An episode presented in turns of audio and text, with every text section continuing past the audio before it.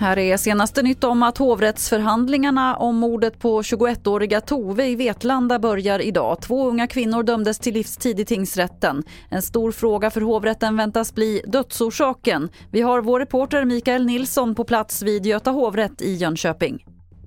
Det är försvararens framförallt eh, starkaste kort nu att kalla de här expertvittnena, två rättsläkare som ska eh, då påvisa att det finns en annan möjlig dödsorsak än strypning som åklagaren och rättsläkaren presenterade under tingsrätten och som tingsrätten tog till sig och utdömde då livstidsdomar eh, för de här två unga kvinnorna. Det har skjutits mot ett radhus i området Nyby i Uppsala i natt. Ingen ska ha funnits i huset och ingen kom till skada. Polisen utreder det som försök till mord. Det finns inga uppgifter om att någon misstänkt ska ha gripits.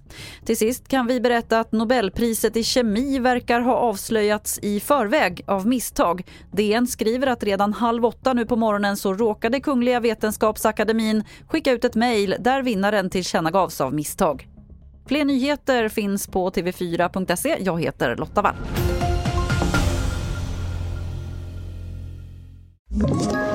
Ett poddtips från Podplay. I fallen jag aldrig glömmer djupdyker Hasse Aro i arbetet bakom några av Sveriges mest uppseendeväckande brottsutredningar. Går vi in med hemlig telefonavlyssning och, och då upplever vi att vi får en total förändring av hans beteende. Vad är det som händer nu? Vem är det som läcker?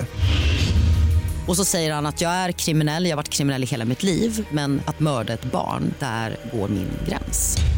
Nya säsongen av Fallen jag aldrig glömmer på Podplay.